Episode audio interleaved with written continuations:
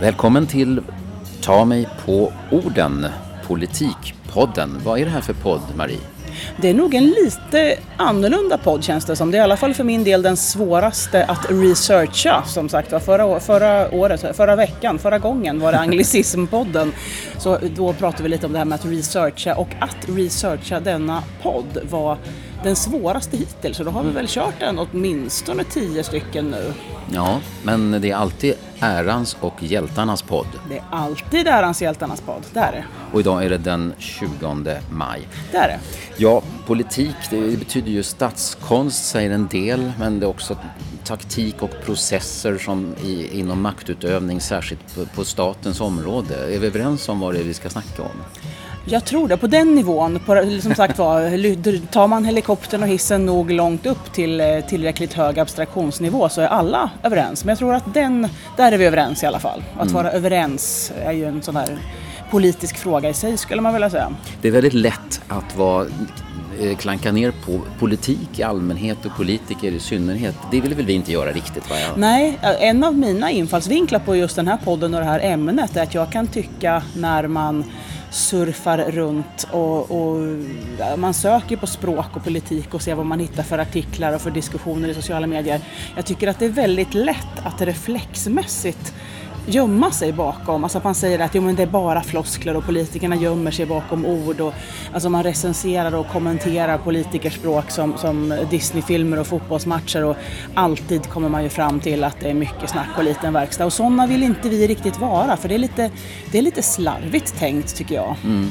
Men jag måste säga att det, en del av politikerspråket handlar ju om att dölja saker och ting eller åtminstone göra det, det som man vill veta inte så uppenbart begripligt och det har jag ju väldigt svårt för måste jag säga den där som är Ja, men däremot när man är kristallklar som till exempel när Göran Hägglund säger barn går inte i repris. Mm. Som ett exempel på liksom att föräldrars tid med små Just barn, det. Liksom, det, det, är någonting som, som man måste värna för det finns inget alternativ och sånt. Det är ju också politiskt språk. Det är absolut politiskt språk. Göran Hägglund är ju en sån där, vi kommer kanske inte nämna så många namn som jag trodde, alltså på gott och ont, men, men alltså Göran Hägglund är ju en en språklig favorit måste jag Jag tycker han är, han är ju snorkul många gånger. Just där en olycka kommer sällan ensam när han är i Umeå. Först kommer Mona Sahlin och sen kommer han. Alltså han har en självdistans och en, en ja. eh, språklig respektlöshet som är ganska fantastisk. Och då har han ju berättat att så otroligt ängslig och blyg som han var väldigt länge, även som vuxen ja. och så vidare. Så det är inte en person som är kaxig liksom och bara stormar in. Nej, utan, nej. utan den här kreativiteten kommer ifrån någonting annat. Liksom. Just det kanske just därför då. Men du, det här med Stefan Löfven är vår statsminister och, eller vår statsminister, det lät ju väldigt eh, patriarkalt. Det, det, det lät ju oerhört fint, Staffan. Ja, ja, eller det är han ju i och för sig. Ja, men det... när folk säger så här, våra invandrare, då finns det någonting klappa ja, på huvudet vi, visst, visst är det där, visst är det där. Men du, eh, han har ju sagt då om det här med, med unga män som har åkt till Syrien och för att bli terrorister och gå på sådana läger där. Han har sagt det är inte okej. Okay. Ja, det, det, det, skulle jag vilja säga. Det är, sån här, det är Peace in our time. Det är Stefan Löfvens stora, jag tror att det är det som kommer att broderas på hans gravsten. På så här. Alltså, vi, vi säger det hela tiden hemma. Ja. Det är sådana saker som har liksom läckt in i, i hur man faktiskt pratade. För att först gör man det och är sjukt ironisk. För att det är verkligen sådär, nej men det, det kan man säga, the understatement of a decade. Alltså, men ingen har ju sågat det så, så, så med, med en sådan eh, välslipad motorsåg som Björn Ranelid måste man väl säga. Ranelid han, han, han brände minst en säkring på det här med det är inte okej. Okay. vad, vad, vad, har han skrivit där? Eh, Eller har han sagt det? Ja, nej, jag tror det är ett Facebook-inlägg faktiskt. När statsminister Stefan Löfven har uttalat sig om våndan och oron inför att unga män som är bosatta i Sverige åker till Syrien och låter värva sig till terrorister. Han sa det ordagrant på tal om denna handling. Det är inte okej. Okay. Och nu kommer det där Ranelidska. Så talar en statsminister idag. Ordet okej, okay, alltså med J, eller okej okay med Y, eller som förkortning OK, är en slasktratt och en kloak i det svenska språket. En lyhörd papegoja kan lära sig det kvädet efter ett par timmars träning. Hur kongruensböjer vår statsminister detta papegojlät? Vet han vad begreppet i kongruens betyder? Vad anser han den korrekta grammatiska formen ska, ska, ska vara med ett korrelat i neutronform? Det är verkligen sådär, ett korrelat ja. i neutronform. Ett okej beslut, två okeja beslut. Och sen så kommer den lite som där, ja men det, man måste nästan läsa det här in Det här, det här är extenso. sån här Ranelid-splaining. Där, där, där hade vi ordet. Nu har du myntat ytterligare ett, ett odödligt. Ja men just det, men fortfarande. Det heter enligt svensk korrekt grammatik, säger Ranelid, att ett hus är grått och att två villor är gråa eller möjligen grå. Svenska fotbollsspelare brukar i alla upptänkliga sammanhang säga att en skada är okej, ett resultat är okej och att en tackling var okej. Det är ytterligare bevis på papegojors språk. Istället för att nyansera sina svar och beskrivningar väljer dessa fotbollsspelare att släppa ner orden i kloaken. Mm. Eh, statsminister Löfven borde istället ha använt ett av följande alternativ i nämnda det hur det mening. ska sägas. Det är inte acceptabelt, det är inte godtagbart, det är förkastligt, det är vettlöst, det är vidrigt, det är avskyvärt. Ja, det är bra förslag. ju, Ja, som Alla alldeles utmärkta. Alldeles, Ja. Något skolmästaraktigt eh, presenterade kan man säga. Och sen det här med papegojläte är väl lite, alltså det, ger såna här eh, associationer på något vis till, till forna tiders eh, horribla recensioner av jazzmusik. Det är något, det är något eh, det, det är något oerhört obehagligt. Alltså, det, det är inte snällt, det är inte okej riktigt. Nej, men, men alltså det brukar ju användas mot de som upprepar samma svar hela tiden. Bosse Ringholm till exempel. Ja. Inga-Britt Ahlenius har givit uttryck för ett nytt uppdrag. Ja. Eh, Eller Tobias Billström då, vi kommenterar inte tredjepartsuppgifter. Just det. Det är ju typiska papegojläten. Ja, och, och som sagt då, apropå brinner en säkring, det är, det är också det där, det där är ju också balansen mellan när det är något språkligt som händer och när det är någonting som är på gränsen till en, en, eh, en, en mindre, kanske inte psykisk kollaps, men någon slags psykologisk kollaps i realtid. En situation man inte klarar av och då låser man på en mening. Liksom. Det beror ju inte på att de är dumma i huvudet, liksom, utan att situationen blev dem övermäktig. Men det är ju klassiska retoriska mm. härdsmältor helt enkelt. Du, vad har våra lyssnare sk- skrivit inför det här på vår sida på Facebook? Ta med på orden. Det, den här gången var det väldigt många bra frågor där eh, vi inte har lika många bra svar kan man säga. Det, det var... Eh, eh, Dels var det det här va, men det är inte okej. det, är inte, ja, det var, det var en, en kommentar som jag, alltså, Mm. och och det, är- det är för bra för att inte kommentera eller på att säga. Eh, sen Det hade inte så varit var okej att inte kommentera. Nej, det hade inte varit okej. Nu kommer vi, vi kommer säga det här hela, hela, Nej då, hela, nej då, nej då. Jo då, jo då. Usch vad otäckt. Eh, nej men, men eh, en fråga som kom från Bill Sagergrim där jag faktiskt, där det råkade slumpa sig så att jag hittade svaret på den höll jag på att säga när jag, när jag letade runt på språk och politik och vad som är skrivet därom. Det här med om, om frågan är alltså huruvida eh, kvinnliga och manliga politikers språk på något sätt kan sägas vara olika. Och då visar det sig att det är Brigitte Mral som är, eh, hon är professor i retorik i Örebro där jag pluggade en gång i, i världen. Eh, som alltså har skrivit en avhandling, jag har tyvärr inte titeln, men alltså om just kvinnors språk i offentlig debatt. Och hennes slutsats är att eh, Kvinnor är, eh, inte alltid men ofta, konkretare och tydligare. Eh, använder ett vardagligare språk, anses mer begripliga och mer personliga. Eh, mer intresserade av dialog och beskrivs som kommunikatörer och som lyssnare och eh, släpper som, alltså, eh, släpper journalister närmare in i sin privatsfär. Och det här låter ju som, när man, när man hör det här, alltså med kvinnor är konkretare och tydligare, vardagligare begriper. Det låter ju som att, att eh, om man bara läste upp det rätt upp och ner då skulle man säga att men här vädrar man en massa förutfattade meningar och fördomar. Men Ja, det här är, det här är det. som, det här är alltså kontentan av hennes avhandling. Ja, där man men är det kvinnliga politiker hon har kollat Eh, på? Kvinnors språk i offentlig debatt och de som deltar i offentlig debatt måste ju antas vara politiker eller fritidspolitiker. Ja, Det är- ja, men det är jättemånga opinionsbildare som företräder intresseorganisationer Ja, och men jag tror inte att det var- Barnen alltså, och Hem och Skola ja. och, och Scouterna. Och, Nej, och, och, just det, och nu när vi sa att det här lät som fördomar så kom just Staffan Dopping nu och smäller in en på volley. Det är inte okej Staffan.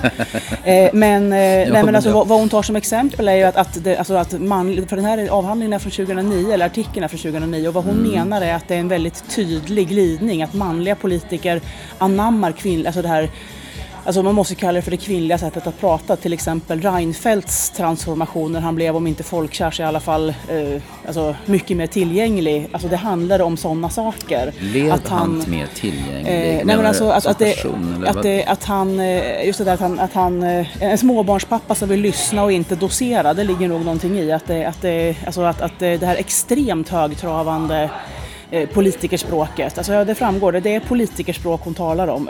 Ja, Eh, och att, att, det, eh, att det ändå är någonting som, som, som höll på att hända 2009 som antagligen i många, alltså jag menar, om tänk, tittar du på Barack Obama, som det heter, is practically a woman. Alltså, eh, alltså jämfört med det här, så, men yngre, det, det kan jag nog tycka överlag och då handlar det liksom om kommunikation i stort. Det här att inte, inte steppa två steg tillbaka och gömma sig bakom eh, distansering eh, av liksom ett, ett avpersonifierat språk, långa krångliga ord. Alltså det känns ju ganska eh, dinosaurie 40-talistaktigt höll jag på att säga. Ja, det, alltså det, det, har säkert blivit enklare men jag tror att det, det, är väldigt skillnad på en politiker som står och håller en monolog, ett anförande i en talarstol eller någonstans vid Youtube och när de är utsatta för journalistisk press. Det är en otrolig jo, skillnad. Jo, absolut. Det går jag nästan menar, inte visst. Att... Nej, men jag tror när man pratar om mediaträning, det är väldigt populärt att raljera över mediaträning och jag tror ju ändå att, att eh, eh, rik, riktigt ställd mot väggen eller i en situation som man känner att man inte, men som man tycker är obehaglig, man inte vill svara, alltså, då, då spelar det ingen roll hur mediatränad du är. Det kommer i alla fall skina igenom. Ja, men ibland när man inte får svar från en politiker så Eh, så, så säger många kritiker, framförallt journalister, ah, det är för mycket medieträning, det är därför vi inte får svar. Jag tror att det ibland är för lite här. Men till exempel så var ju då Gustav Fridolin och Isabella Lövin, det nyvalda språkröret i Agenda i, i söndags och Anna Hedenmo försökte ju få raka svar förstås. Kommer Vattenfalls brunkol att stanna i marken som ni lovade i valrörelsen? Nej, nu har vi att jobba utifrån det ägardirektiv som finns för Vattenfall och där är regeringen helt enig. Ja, inget svar. affären måste skötas rätt och, och då riktigt. blir det förstås en ny fråga. Om den typen av styrning av Vattenfall men inte som ledde till att man köpte på, på sig den här typen av tillgångar en gång i tiden. Det var fel. Eh, och som gjorde att man gick in i Nuonaffären som kostade skattebetalarna väldigt mycket pengar. Vad betyder det då? Att den stannar i marken eller inte? Ja, vi gör ju allt vi kan för att så mycket kol och olja i världen ska stanna i marken. Det gör vi genom vår representation i EU-parlamentet, det gör vi beslut i Sverige. Vi har till vi exempel i regeringen kommit överens om att i Sverige ja, ska vi inte börja bryta mm. olja eller fossil gas. Den typen av förberedelser fanns innan. Men när vi provar frågan om just den ägarsamordning som Vattenfall kommit till regeringen med nu, då måste vi göra det utifrån de beslut som ligger i riksdagen, okay. det ägardirektiv som är taget där. Isabel... Inte det ägardirektiv vi vill ha, ja. som Miljöpartiet jobbat för, men det är det ägardirektiv vi måste jobba utifrån. Isabella Lövin, stämmer det som Dagens Industri uppger nu ikväll att det redan i höstas gjordes upp Helt ni, annan fråga. Ja eller nej-fråga, notera det. Mm. Om att pröva Vattenfalls försäljning av brunkolsverksamheten på affärsmässig grund och inte klimatmässig den här affären kom ju till regeringens bord först eh, alldeles nyligen. Inte svar då heller. Nej, nej men och, och, samtidigt, och det är så, samtidigt har de ju, alltså de får ju mycket sagt under tiden. Alltså Gustaf Fridolin har ju just sagt att Maud Olofsson skötte sig inte den förra borgerliga regeringen var inte särskilt bra. Mm. Vi jobbar på, vi är jätteduktiga, vi har massor med visioner som är på grund av de andra diffust olika människorna inte, alltså det, det, det är ju väldigt, väldigt mycket som blir sagt men vi vet ju fortfarande inte om brunkolen kommer stanna i marken. Det här, det här tricket att, att passa på att ändå få någonting sagt eller att svara på en fråga som, som, eh, som man själv skulle vilja ha fått. Det är ju ett, och det är en konstart. Det är inte alla som kan. Ja. Eh, och sen efter ett tag, det här är ovanligt att det sitter två personer på samma nivå i ett parti. Va? Som det, det är bara Miljöpartiet det kan bli på det viset. Som sitter samtidigt och låter sig intervjuas. Och här försöker då Anna Hedenmo att hitta en spricka mellan dem när det gällde migrationspolitiken. Mm. Och då reagerar ju Fridolin liksom och säger så här, du kan inte peta in ett läskpapper mellan oss, säger han till programledaren. Mm. Var, de, hade verkligen, de, de hade bestämt sig för att målet med den här intervjun är att det ska inte finnas någon som helst synlig glipa, eller hur? Japp, och, och där kan man ju, sen kan man ju filosofera över att uh, det, det, är en bra... Uh, jag kan tänka, Gustaf Fridolin kan nog vara en sån människa som kan gripa ett läskpapper ur luften rent metaforiskt, men det kan också vara en sån sak, för det är en sån sak man kommer ihåg. Ja. Alltså mm. det här mm. läskpappret är ett bofinksord. Ja. Det är ingen vanlig småfågel utan det är en typisk bofink. Uh, han, han ville nog, alltså man kan fundera på huruvida han, han visste att han ville säga det eller om det var så att han, han den här, det här kommer komma. Alltså man, man, de kommer att vilja ställa oss på det här sättet och då ska jag säga så här. Men, men om man säger, och då är det också det där att, att det är ju en, det är ett ganska finurligt uttryck men samtidigt men du, är det... är så gammaldags idag. Eh, men jag tror, jag tror att det, det tror jag är lite hans grej också. Men hur gammal är Fridolin förresten? Ja, han är ju... Han fyllt 35? Eh, Nej, han inte? Nej, jag vet inte. För att det, jag tror att väldigt många 40-åringar inte vet vad läskpapper är. Eh, och de, och de som vet vad det är, höll jag på att säga, vet kanske inte riktigt. Alltså, mm, alltså, det, det, är ju inte någonting som man har i sin, eh, kanske, eh, i sitt skrivbord som man säkert ofta inte heller har. ja, ja, ja. Eh, men... men en annan sak som tyckte var intressant som, som eh, han är född 83. Ja, Okej, okay. han är Mannen alltså 33, 33 år. Precis. Okej, okay, tack för det. Bra. Japp, svar direkt med Marie Karlsson. ja. eh, nej, men en annan sak som inte var direkt svar direkt, det var från, från förra valrörelsen så, så var det språket i P1 och hade Novus gjort en undersökning om eh, ord som förekommer i valrörelsen och huruvida folk förstår dem eller inte. Och om jag minns rätt så var det så att man fick, det var till och med så att man fick, det handlade om att svara på, vet du vad det här ordet betyder, ja eller nej? Vilket ju gör att Oj. fler svarar ju ja, ja, än vad som skulle kunna förklara det. Mm. Alltså, mm. Och då visar det sig att fyra av tio vet inte, alltså svarar att jag vet inte vad jobbskatteavdrag betyder. Mm. Eh, en av fem vet inte vad reform betyder. Och, och där har man ju den här, det, det är ju liksom Ja, men det, det, är ju helt enkelt problematiskt. I fallet med jobbskatteavdrag så handlar det ju om att jag tror inte att det egentligen beror på ordet som sådant. Ibland är det så lätt att säga att nej, man kan säga fråga istället för interpellation och motion och sådär och det kan man ju tycka både bu och bä om. Men, men jobbskatteavdrag, det handlar det ju snarare om vad, alltså, vad är det vad är det egentligen det handlar om? Men när det handlar om ord som, som reform då skulle man kunna argumentera för att, nej men säg förändring så, så är man hemma. Liksom det, det, är, det, är, inte så jättestor skillnad stilistiskt. Men sen en av fyra kan inte definiera utanförskap. Men där är också en sån där, en av mina käpphästar pratade vi om i början i det här programmet som är stående inslag. Mm. Det där att det handlar ju också om det som är riktigt lurigt i politiken det är ju, det här är ju en truism alltså, men det är ju de ord som är, där det handlar om att definieringen är inte klar. Det finns ingen ordboksdefinition. Det finns, alltså, eller också finns det någon typ av officiell, ja men det är som vi pratade om förut någon gång med hur gammalt är ett barn? Ett barn är i lagens mening under 18 år. Men alltså ett ord som utanförskap, det kan ju, det kan ju verkligen betyda, eh, det kan ju betyda, alltså en, en människa kan höra utanförskap och tänka någon som lever i den yttersta misär, andra generationens eh, arbetslösa arbetslös, kan inte prata svenska, har inga pengar, alltså, eh, är sjuk, handikapp, alltså, allt på en gång. Och det... andra kan tycka att det är någon som eh, som inte vet vad interpellation betyder och som därför är distanserad från... alltså... ja, men det är ju den delen av politikspråket som är rätt mycket känslospråk, eller hur? Det är, man, känner, man känner någonting. Barnfattigdom, ja. man känner någonting trots att jag kan inte säga vad, vad är barnfattigdom. Och det, det är men jag min, känner det, ungefär. Ja men absolut och det, det, det, tror jag, det tror jag är ett stort problem när man kommer till att man ska göra någon slags realpolitik. För jag menar, varje normal människa tycker väl att barnfattigdom är någonting som man, man eh, inte vill ha, som inte är värdigt ett, ett eh, modernt samhälle, eller något samhälle för den delen, för inte värdigt den här planeten. Men, men eh, hur man definierar den går isär något så oerhört, märker jag i disk olika diskussioner på sociala medier. Alltså det här att, att eh, nej men alltså vad, vad ska man Alltså det, det, finns mig vetligt någon sorts eh, definition, alltså att leva under en fattigdomsgräns som är definierad på ett visst sätt.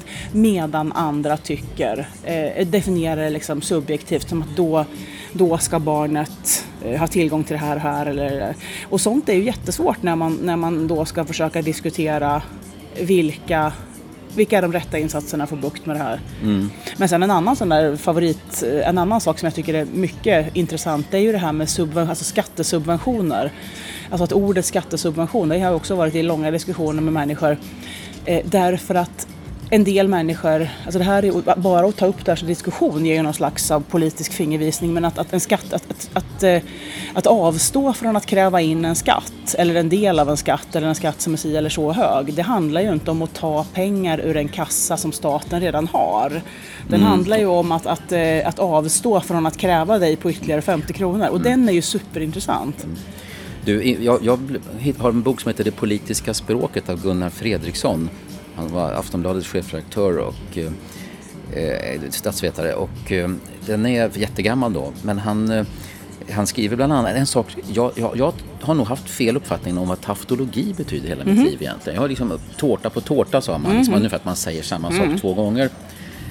Um, och, men, men, han menar att, att taftologi, det, det, är när man säger, om man har någon slags sats som alltid är sann, så att säga. Den är alltid sann. Det, det finns inte någon chans att den, att den kan vara felaktig. Eh, och det är en av många så att säga, knep, retoriska knep inom politiken, eh, anser han. Och så har han citat av gamla politiker som Gunnar Hedlund till exempel, mm. före Centerledaren.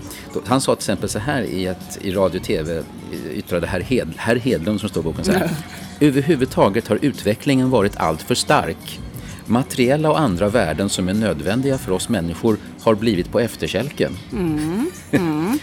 Och, det, det, det, som, det står, som det står, något har uppenbarligen gått för fort och något annat för sakta och är Redlund är bekymrad över detta. Ja. Men för övrigt går det inte att veta vad påståendet nej, betyder. Nej. nej. det är oerhört... Uh... Och man kan inte avgöra om det är sant eller falskt eller motsägande eller taftologiskt. Han menar som taftologi, då är det motsatsen till motsägande alltså. Även om taftologi enligt min, som sagt ja. jag som sitter här i realtid, hävdar att det betyder fortfarande tårta på tårta. Uh. Inom stilistik är en omsägning av samma sak kan i lexikal bemärkelse vara sammansättning av ett vardagligt och främmande ord och eller eh, ord med samma och likartad betydelse. Basketkorg, salsasås. Ja. Schlagerhit. Ja, alltså här, men du till exempel, här är en taftologi enligt Fredriksson. Det regnar eller det regnar inte. Det menar han är en taftologi. Och det är ju sant oavsett hur vädret är va? just nu. Så är det ju sant att, att det regnar eller regnar inte. Ja, och så, så att vi rätt upprepar ordet regnar så stämmer det ju. Alltså, eh, Nej, alltså, jag, och så precis, citerar ja. han eh, Folkpartiets partiprogram som han menar då innehåller en taftologi. Det står så här, liberalismen erkänner att den enskildes förhoppningar om skälig ersättning i förhållande till insatser och ansträngningar är berättigade. Det var ju verkligen, precis. Och då menar han, en skälig ersättning är alltid berättigad. Ja, det ligger ja, i ordet ja, men, ja, Så att, ja, vi, vi behöver inte fördjupa oss i det men det här är ett exempel det var en, på det politiska. En, en underbart, eh, alltså, så, många, många saker blir mycket, mycket bättre om man läser det i, i vackert formgivna böcker. Från, ja, från 1962. Precis som jag, det, precis det. Den, den finns nog, den är svår att få tag på men den har jag faktiskt fått av en gammal radiokollega. Ja men det är ju strålande. Intressant. Eh, vad var det vi tänkte på du, mer? Ja, men du, um, vi, um, Lars Melin ja. är ju språkforskare och har skrivit mm. om, om politikerna. Mm. Hur, på vilket sätt de, de säger ingenting? Mm.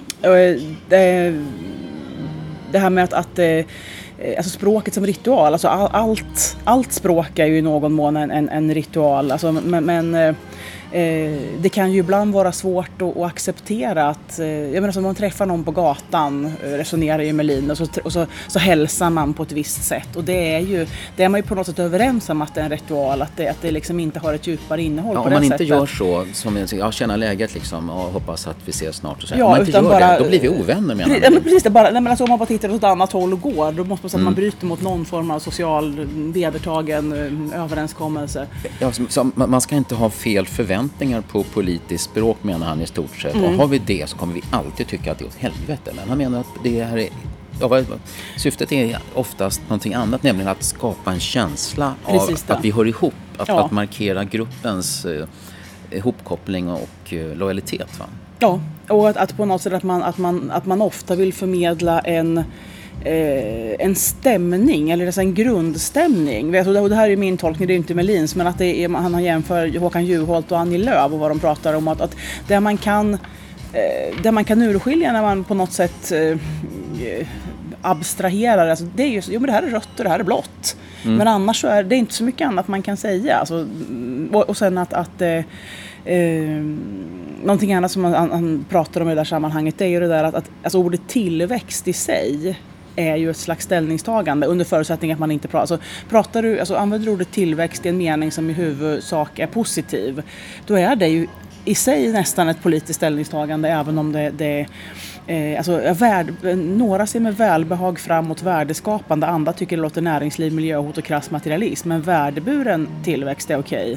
Och just det där att, att, att, kombinera ihop ord för att på något sätt kunna använda, återigen mina ord inte Melins, men alltså motståndarsidans värdeord, alltså kunskapsbaserad ekonomi, social investeringspolitik och så vidare. Men att just det där att, att eh, eh, man har ju inte åstadkommit något väsentligt språkligt, alltså vad man gör, alltså, ja, men det fungerar rituellt för att peppa och hålla samman gruppen. Ja, det är sällan ny information. Det är sällan ny information. Det är därför man men eh, till exempel Håkan Juholt var inte så dum på retorik där och mm. Eh, Melin har ju citerat eh, när han gör drastiska jämförelser. Sen, när det var snack om krogmomsen. Va? Vad är en toast Skagen med lägre moms på krogen mot 9000 nya lärartjänster? Och som sagt jag, skulle, jag skulle kunna slakta det alltså, rätt, rätt upp och ner rent alltså, sådär, eh, om, man, om man går en nivå ner. Men återigen, det är briljant retorik för en bofink. Ja, och, och dessutom sa han så här, man ska inte behöva dricka en burk Novalucol när man får det orange kuvertet. Eller orange. Då måste jag säga att, att alltså, Håkan Juholt måste antingen ha en ett mycket mer avancerad magkatarr än vad jag har eller också har de gjort om det. För en burk Novalucol har jag aldrig sett. Men det, det, det... Han kanske får dem Och dricka burken dessutom. Ja, bara en sån sak. Ja. Han kan, men han kanske fick det. Alltså, är man statsminister kanske man får dem något specialpris för, för liksom större förpackningar och partier. Ja. Och sen så, så pratar den också om att, att det här med eh, att roller, alltså att, att man, eh, man kan missledas och tro att den ena är optimist och den andra är pessimist men att det snarare handlar om att, att eh, oppositions och regeringsperspektiven ger eh, alltså språkliga... Eh, men du pratar på ett visst sätt om du är eh, i, oppositions, eh, i opposition jämfört med om du är i regerande ställning om man säger. Och att det, ja. det kommer med territoriet så att säga. Ja. Och sen den här gamla varianten att om det, är en, om det är så att man har problem i debatten då beror det på att motståndaren är, är oseriös eller manipulerar eller liksom, mm, mm, mm. gangstrar i stort sett. Ja men precis. Det är, också, det är också många som tar upp eh, när, man, när man läser runt eller vad man ska säga att det här att, att eh, eh nej men att det, och, det, den allt, allt, allt retoriskt, allt sådär eh, eh, mellanmänskligt, det går ju alldeles utmärkt att iaktta i en normal förskoleklass. Liksom. Det, det här med, med att, som du säger, men han är dum. Jag bara, för, men nu, fick ju, nu, nu vann ju inte du när ni spelar plockepinn. Liksom. Men han är dum. Ja. Alltså, ja, det, den går ju igen. även går igen. I, ja, precis. Det, nej, men det är LOs fel eller också är det Svenskt Näringslivs fel för de är dumma. Liksom. Ja. Du, Mona Sahlin har ju nyligen lämnat den här posten som hon hade. Mm. Och, men hon ansågs ju ha förnyat det politiska språket mm, mm. en gång i tiden. Hon var så otroligt privat och hon mm. hade sitt eh, talspråk och lite mm. nackaslang och sådär. Och, eh, vad, vad, tycker du att hon, har hon eh, påverkats andra politiker tror du? Eh, jag tror att hon är en, en sån som, brukar, som man brukar anföra när man pratar om just det här. Nej men det här att, att, eh, Reinfeldt blev mer och mer småbarnspappa höll jag på att säga under åren. Alltså det här att det ändå, att det ändå eh, men på något sätt att det är, en, det, det, är inte negativt. Det är inte negativt och kärringaktigt om, om en politiker pratar om, om blöjor och dagislämning utan det, det, det mm. anses vara... Eh, det var hon och det, det, det, tror, det, jag tror att hon, är, att hon, hon var en sån här trappsteg, alltså mm. en stor skillnad och kanske, kanske genom att ta det så långt att eh, sannolikt fler än en retade sig på det. Men hon släppte ju då in oss, allmänheten, i hennes privata rätt mycket då. Va? Och mm. talade om äh, aborter och sånt där. Ja. Och var med i ett astrologiprogram till exempel. I, i där, där, det ena är mer lovvärt än det andra kan jag väl säga som en liten ja. passus här. Okay, ja. Och, eh, men började också tala om sig själv lite grann som en figur eh, i tredje person. Ja, ja. Och, jag kommer ihåg att hon sa så här, nu ska Mona tänka på Mona. Just det. Ja, och, och sånt blir ju aldrig bra om du frågar mig. Ja, och sen hörde jag en, en podd för ett tag sedan, bara, ja, sen gjordes det förra hösten, där hon var indignerad över att hon kallas för Mona men Fredrik Reinfeldt kallas för Reinfeldt. Och det finns ju ingen möjlighet att inte kalla henne för Mona. Hon, hon, det, hon pratar ju, alltså det, det, det går ju inte. Alltså, jag håller med om att, att, att medierna på ja, något vis har en tendens att ja, växla. Det har ibland, absolut. ibland har det om man, om man är unikt eller inte för efternamn. Men hon har verkligen bidragit till att ja, modifiera sig. Ja, men absolut. Absolut. Ja. Eh, nej men sen så i, jag tror också det var i samband med den här Melin-artikeln som eh, det var någon som frågade om också vilka ord som politiker, eh, möjligen var Ann-Sofie Törnroth som eh, på vår sida på Facebook var inne och, och alltså, var inne på det här med att, att om, om eh, liksom olika politiker har, har eh, alltså, vilka ord överanvänder man och så vidare. Och då, då, här finns en lista, till exempel Juholt, nu är han kanske något... Sverige har han använt väldigt mycket. Sverige sett daglandet tillväxt, bubbel bubblare, barnfattigdom. Juholts, favori, kan du, alltså, Juholts favorithuvudverb. Jag älskar en värld där sådana formuleringar eh, finns att läsa. Det handlar om, göra, vill, står, bygger. Eh, sen var det ju kungen också men alltså, utifrån riksdagens högtidliga öppnande. Men Annie Lööf favoritsubstantiv. Sverige, människor, Centerpartiet, politi politik, framtiden. Eh, favorithuvudverb, göra, måste, tror, våga skapa, bubblare, tänker. hon inledde ett tal för sina partivänner och sa så här, känner ni att vi alla är ute på en resa mot framtiden? Och det är för sig, det, det är ju bra som inledning, eller hur? Ja. Och sen på slutet så sa hon tydligen att eh, nu så nu är det dags att vi åker. Mm. Så att det, det, det, Just det. knyta ihop säcken och det är ju ja, ja, alltså, Jag har haft gymnasister i Svenska VF som har klarat av det bättre. Nej, nu var jag riktigt elak. Men alltså det, det är ju ja, ja, men... kanske inte unikt men fortfarande korrekt eller vad man ska säga. Andra, det finns ju ord som, alltså floskler förekommer ju och jag har en papper om bostadspolitiken som, när de hade varit tre partier, de rödgröna, sossarna, Vänsterpartiet och Miljöpartiet, valet 2010 Och ja, en rödgrön bostadspolitik är en social bostadspolitik.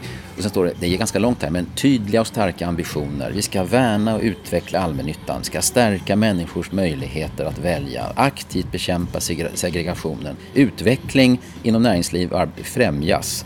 Det saker ska stimuleras, Eh, ansvaret i kommunerna behöver skärpas och förtydligas. Barn ska garanteras skydd, mötas med breda politiska insatser. Ja, känns det igen möjligen? Ja, och, här, och skulle vem som helst. Det där, är ju, det där är ju mycket intressant. Det går ju ofta att ta förvånansvärt långa sjok ur den här typen av text. Och det går inte att säga om det är höger eller vänster eller bu eller bä. Och, Aktiv markpolitik.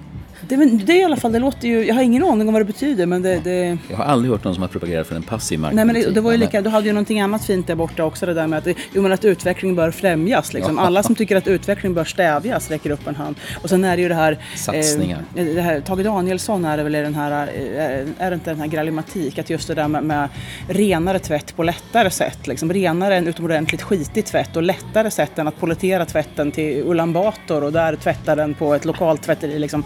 Det ligger ju någonting också en vad. Alltså, den vill man ju gärna liksom för det första, vem vill inte? Och för det andra, liksom, tryggare än vad? Mm, Men å mm. tredje sidan så måste ju den här typen som sagt man måste, ju, man måste ju betrakta det med en viss mildhet för att eh, den här typen av principdokument kan inte bli så himla mycket mer konkreta eller den typen av talarstolsretorik därför att det ofta handlar om en grundton, en ritual, ett annat syfte och sen underförstått att alltså, gå ut och göra realpolitik av det här i kommuner, i, alltså, i andra instanser. Det kan ju inte stå i ett övergripande bostadspolitiskt program att det ska finnas 30 hyresrätter i utkanten av Växjö och de ska vara i ett grönt hus. Alltså det, det måste ju, alltså, det måste ju stå främja en aktiv markpolitik, eller ja, det finns väl förmodligen någon form av, av kompromiss mm, däremellan men, men det, det ligger i sakens natur. Ja men exakt, det är ju någonting som är oerhört viktigt. Det, det, var, det, var, säkert mycket tydligare i någon tidigare Sannolikt, och sen, sen ja, precis, alltså, apropå ritual och förhandling, vem får med vilken passus? Är, och, och vad får de offra för att få med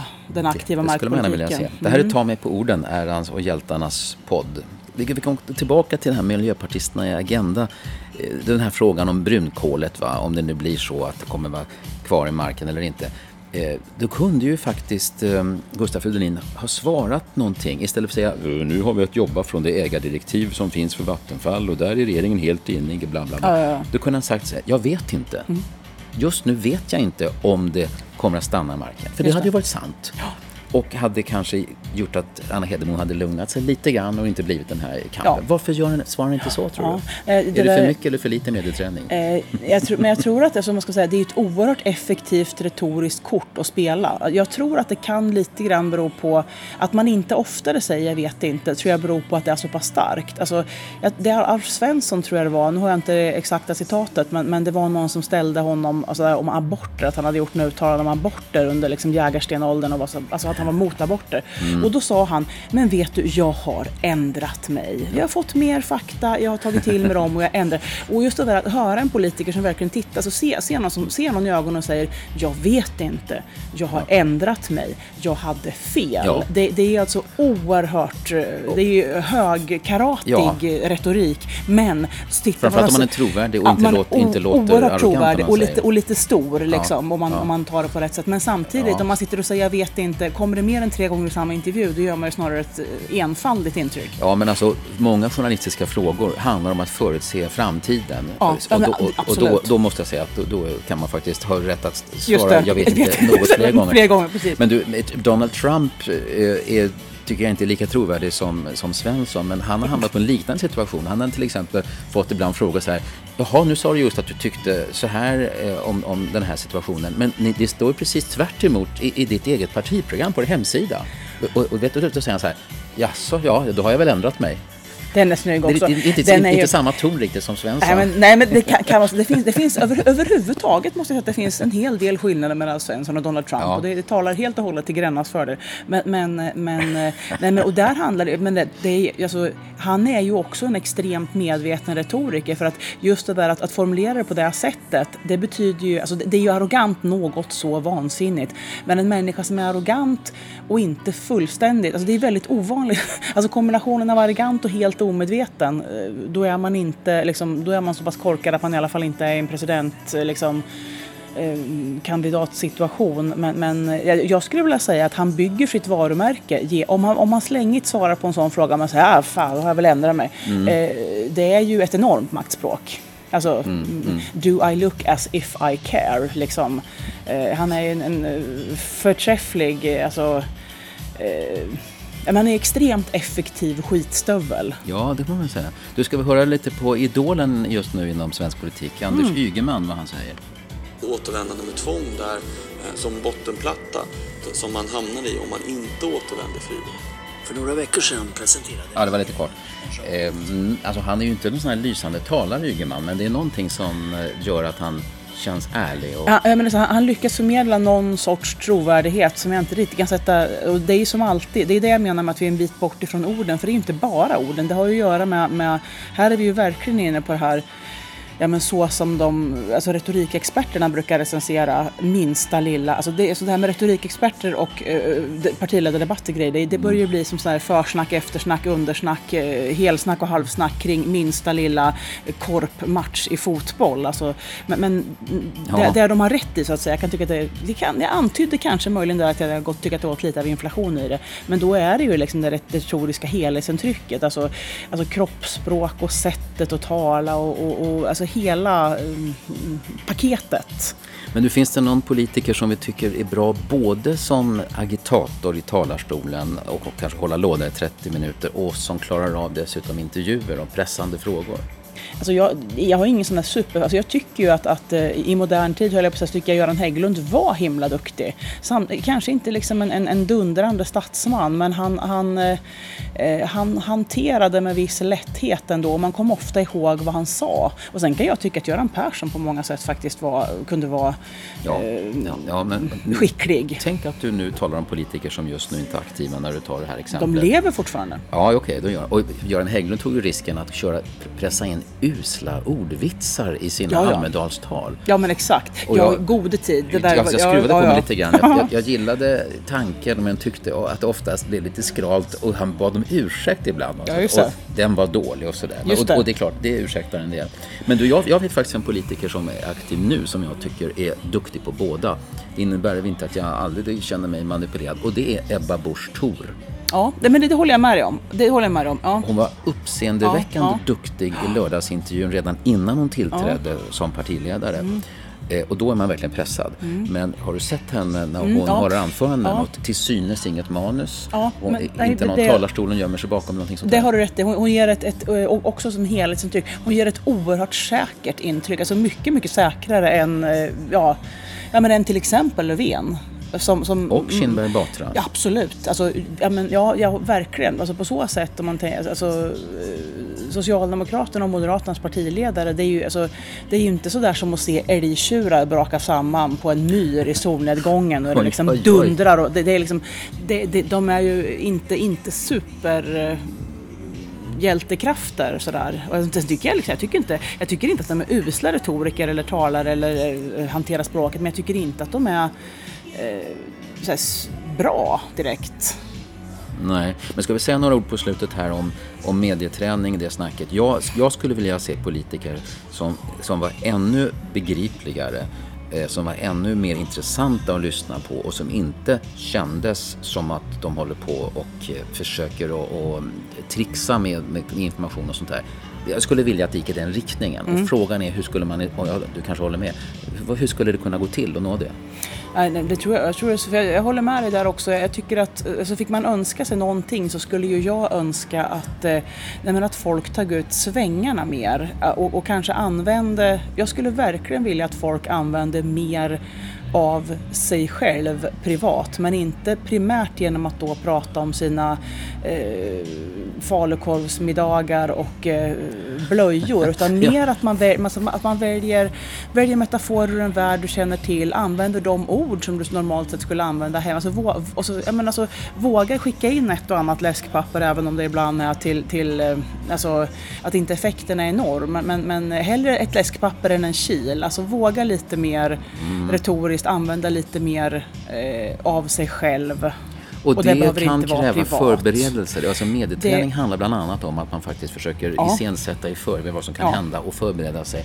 Men, men alltså, min gissning är ju att medieträning ofta, alltså, eh, nu har jag gjort ytterst lite sånt själv, men ändå den lilla, lilla, lilla touch, tusch heter mm, det, mm, mm. som jag haft med det så handlar det ju mycket om att man, man diskuterar utifrån en tänkt mediasituation.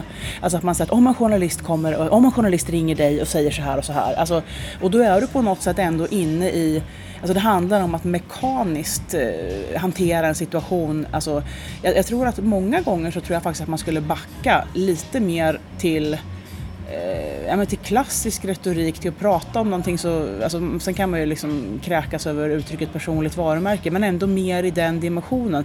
Istället för att lära sig vad du gör om det börjar brinna så lär du dig lite grann vad du gör för att det kanske inte ska brinna mm. alls. Mm. Mm. Det, det, tror jag på och det, det kräver ju absolut medveten träning. Det här är ju ingenting, ingen människa har ju medfött. Man kan ha fallenhet och man kan ha motvilja eller alltså, tycka om det. Men alltså, ingen människa är ju en, en politiker eh, som så. Alltså, man föds ju inte och, och, står upp och är Martin Luther King. Liksom. Det, det, det... Du, ingen har anklagat honom för att vara för medietränad när han höll sitt fantastiska tal. Nej.